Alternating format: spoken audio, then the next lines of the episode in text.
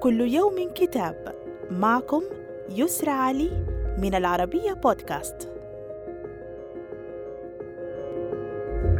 نتناول اليوم كتاب صيف أحمر من تأليف الكاتب الكوستاريكي دانيال كيروس وترجمة السعيد بوكرامي.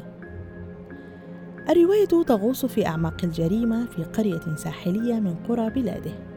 وتتشرب خيوط السرد برائحة سياسية تعكس طبيعة الأحوال في كوستاريكا.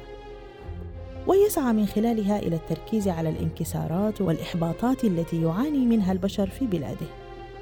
وما يمرون به من أزمات وانكسارات تجعل القارئ يتفاعل معها حيث يظل أسيرا لحكاية بطلها الثوري المحبط دونت شيبي التي رواها كيروس بقدرة ومهارة سردية بالغة.